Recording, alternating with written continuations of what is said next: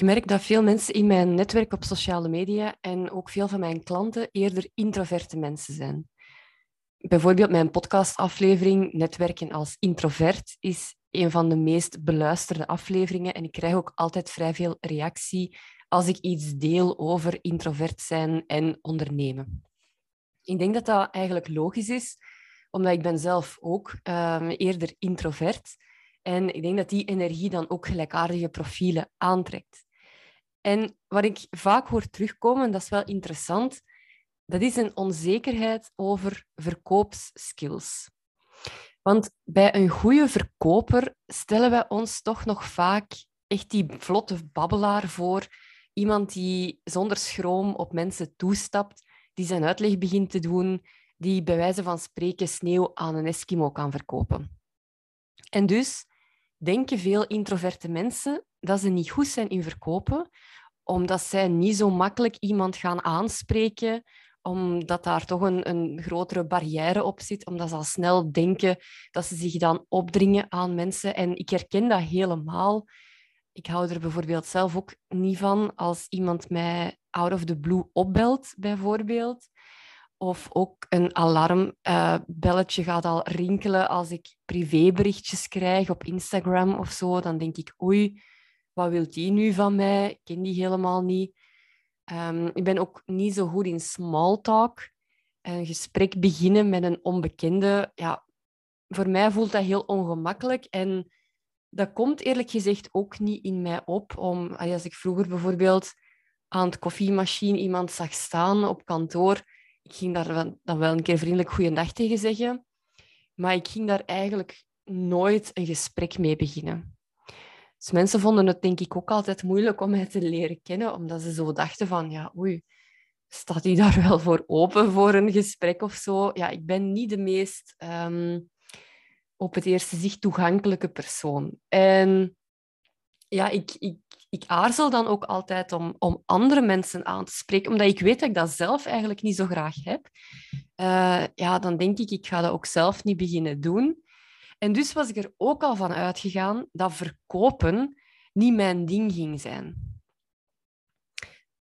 Want ik dacht, ja, um, die gesprekken, dat gaat dan ook moeilijk verlopen. Maar ik wou verkoopsgesprekken ook niet uit de weg gaan, uiteraard, want voor een ondernemer zijn die natuurlijk wel cruciaal.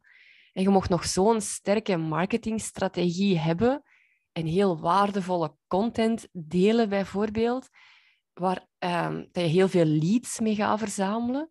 Maar als je die leads, die mensen dan geen kennismakingsgesprek gaat aanbieden, en als je hen in zo'n gesprek niet weet binnen te halen als klant, ja, dan gaat het heel snel gedaan zijn met jouw bedrijf. Want een bedrijf dat draait natuurlijk op de omzet die gegenereerd wordt door betalende klanten. Dus wat ik deed, ik begon al direct met uh, gratis brainstorm-sessies aan te bieden. Nu is dat wel niet zo'n heel slimme tactiek, want de grens dan tussen een gratis brainstorm-sessie, wat eigenlijk ja, een gratis adviesgesprek is, en een verkoopsgesprek, die vervaagt dan. Met als gevolg, na zo'n brainstormgesprek deed ik meestal helemaal geen aanbod. Um, het was voor mij echt dat, een gratis brainstormgesprek, waarin dat ik ondernemers die um, dat deden al van alle tips en tricks gaf voor hun business.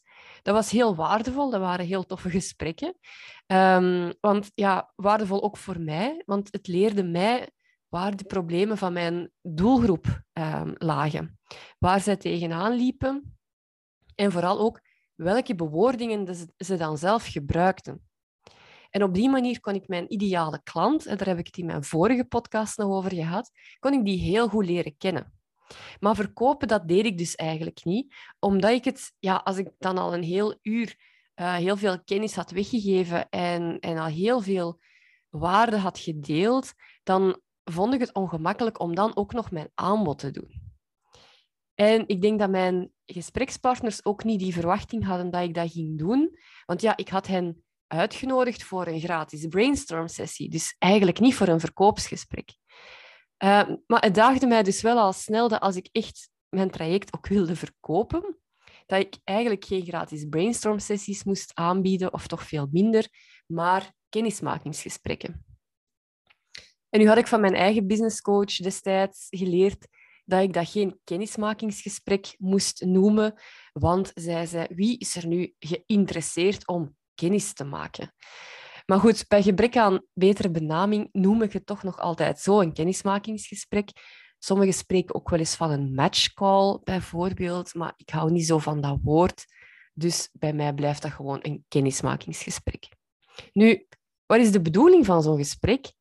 Dat is de gelegenheid waarop ik mensen die zich aangesproken voelen door mijn boodschap, door mijn manier van werken, uitnodig voor ja, letterlijk dat, uh, een kennismakingsgesprek. En daarin probeer ik uit te vinden of die persoon een probleem heeft waar ik inderdaad mee kan helpen. En of dat we een match zijn. Uh, dat de samenwerking een fijne ervaring zou kunnen zijn voor ons allebei. Dus ik luister altijd eerst naar het verhaal dat mijn gesprekspartner vertelt. Ik noteer al de belangrijkste issues die ik hoor, dus wat ik hem of haar, haar eigenlijk bijna altijd, letterlijk hoor vertellen, maar ook wat ik tussen de lijnen door meen te begrijpen. En dan reflecteer ik dat terug, dan zeg ik iets in de zin van oké, als ik het dan goed begrepen heb, dan is jouw issue momenteel dit bijvoorbeeld. Of ik begrijp dat je al heel veel dingen geprobeerd hebt, maar um, je krijgt nog altijd niet genoeg klanten. Of ik begrijp dat je heel veel uren werkt, maar als je kijkt naar jouw bankrekening, dan hou je minder over dan wij zou verwachten. Dat zijn zo de typische dingen die naar boven komen. En dan ga ik al in op een paar dingen die ik gehoord heb om al te proberen doorgronden waar nu eigenlijk de kern van het probleem van die persoon kan zitten. En als ik dan vaststel dat dat inderdaad iets is waar ik goed mee kan helpen, dan zeg ik dat ook. Dan geef ik aan waar volgens mij kan aan gewerkt worden. En dan leg ik uit, zonder al te veel details, hoe we dat kunnen gaan doen. En wat het resultaat van die samenwerking dan kan zijn. En dan doe ik dus eigenlijk een concreet aanbod om te gaan samenwerken als ik aanvoel dat het probleem zich situeert op een gebied waar ik eigenlijk niet de juiste persoon ben om mee te helpen, dan zeg ik dat ook. En eventueel kan ik die persoon dan doorverwijzen naar iemand anders. Of ik zeg gewoon, ja, ik denk niet dat ik de juiste business coach ben voor jou. Dat kan ook. Dus ik ben er niet per se op gebrand om een nieuwe klant te maken in dat gesprek voor mij is het resultaat eigenlijk even goed als ik, ja, als ik een nieuwe klant maak, maar ook als we tot de conclusie komen dat samenwerken toch niet zo'n goed idee zou zijn. Dus ik ben eigenlijk vrij onthecht van het resultaat van zo'n gesprek. En door het op die manier te bekijken, heb ik dus ook nooit het gevoel ja, dat ik iets aan het opdringen ben of dat ik moet duwen en trekken om toch maar een nieuwe klant binnen te halen.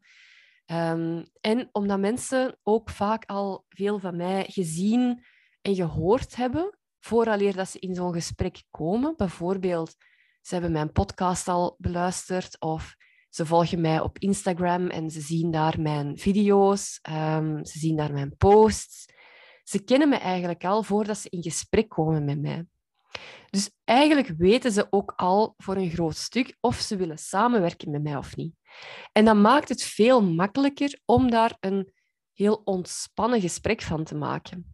Want ik zou echt niet goed zijn, hè, ik zei het al over dat koffiemachine, ik zou echt niet goed zijn in koude acquisitie, mensen die ik niet ken, gaan opbellen of daar, in gesprek mee gaan, um, mij van nul moeten ja, mezelf eigenlijk verkopen. Ehm, ik heb veel liever dat mensen mij al, al leren kennen door alle gratis content die ik weggeef. En dat ze dan zelf nieuwsgierig worden naar hoe het zou zijn om met mij samen te werken.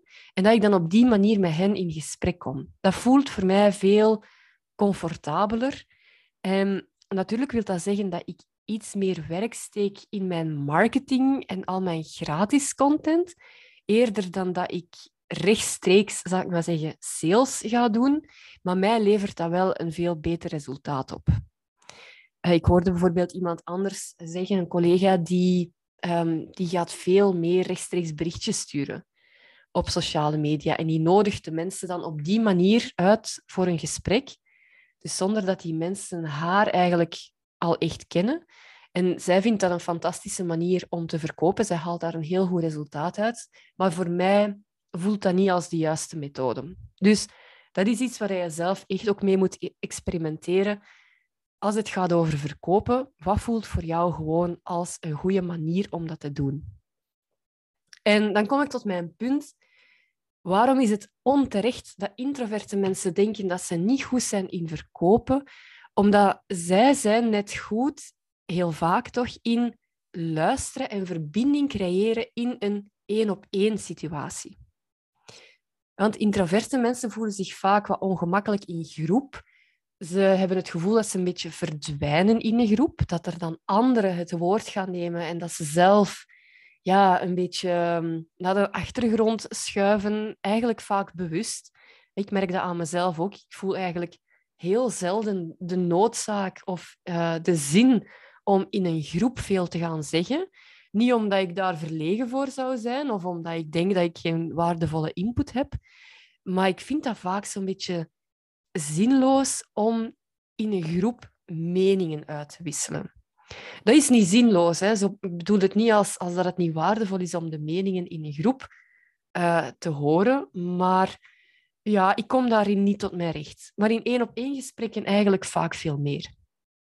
En dat is iets wat ik ook uh, introverte klanten heel vaak hoor, uh, hoor zeggen, dat zij daarom ook een, uh, vaak een één-op-één coaching traject zoeken, omdat ze een beetje schrik hebben dat ze in zo'n groep gaan verdwijnen. Nu, voor een verkoopsgesprek is dat natuurlijk wel ideaal, want dat zijn één-op-één gesprekken. En als ze een beetje over die eerste schroom overgeraken van hoe ga ik dat wel kunnen verkopen en ga ik mensen nu echt vragen om, om, om een kennismakingsgesprek te gaan doen. Eens dat ze in dat gesprek zitten, ontdekken ze vaak dat ze er veel beter in zijn dan dat ze zelf eerst dachten. Dus dat is mijn grootste tip. Mijn eerste tip was om een beetje te experimenteren hoe dat je jouw marketing aanpakt en hoe dat je mensen naar zo'n verkoopsgesprek leidt. Mijn tweede tip is, ga het ook wel gewoon doen. Want oefening baart echt kunst. Ga gewoon dat gesprek aan met je potentiële klanten en zie wat er gebeurt in zo'n gesprek. En heel waarschijnlijk ga je het leuker vinden dan dat je zelf gedacht had. Nu, wil je graag meer concrete tips en tricks van mij om van een verkoopsgesprek een succes te maken? Dan raad ik je zeker mijn gratis e-book aan. Dat heet Vijf gouden tips voor introverte verkopers. En daarin deel ik eigenlijk nog veel meer van die eye-openers die ongetwijfeld gaan helpen in de verkoopsgesprekken die je gaat doen. En de link naar dat e-book vind je in de show notes onderaan deze aflevering. Dus ik wil u alvast heel veel succes wensen met het voeren van die verkoopsgesprekken. Um, heb je iets gehad aan mijn tips? Stuur me dan zeker een berichtje op Instagram. Dat vind ik altijd leuk. Uh, ik zou het bijvoorbeeld heel interessant vinden om te horen hoe dat jij zo'n verkoopsgesprek ervaart als introvert. Of uiteraard ook als jij eerder extrovert bent, dan hoor ik heel graag van jou hoe dat jij verkoopsgesprekken aanpakt, hoe dat, dat aanvoelt voor jou. En waar dat dan eventueel voor jou als extrovert de issues nog liggen. Um, waar dat jij voelt dat je nog beter kunt worden in verkopen. Voilà, dat was het voor deze week. Als je de podcast leuk vond, dan mag je die natuurlijk altijd ook delen op jouw sociale netwerken. Bijvoorbeeld op Instagram door hem te vermelden in je stories en mij erbij te taggen. Dat is Anne Siebens uh, met een underscore en dan nog een underscore. Dus ja, sorry, Anne underscore Siebens underscore FTLOG. Dat komt van uh, For the Love of Growth, mijn, uh, de naam van mijn website. Ik zet de tag ook nog eens in de show notes. Uh, dat was het dan voor deze week. En dan hoor ik jullie heel graag terug volgende week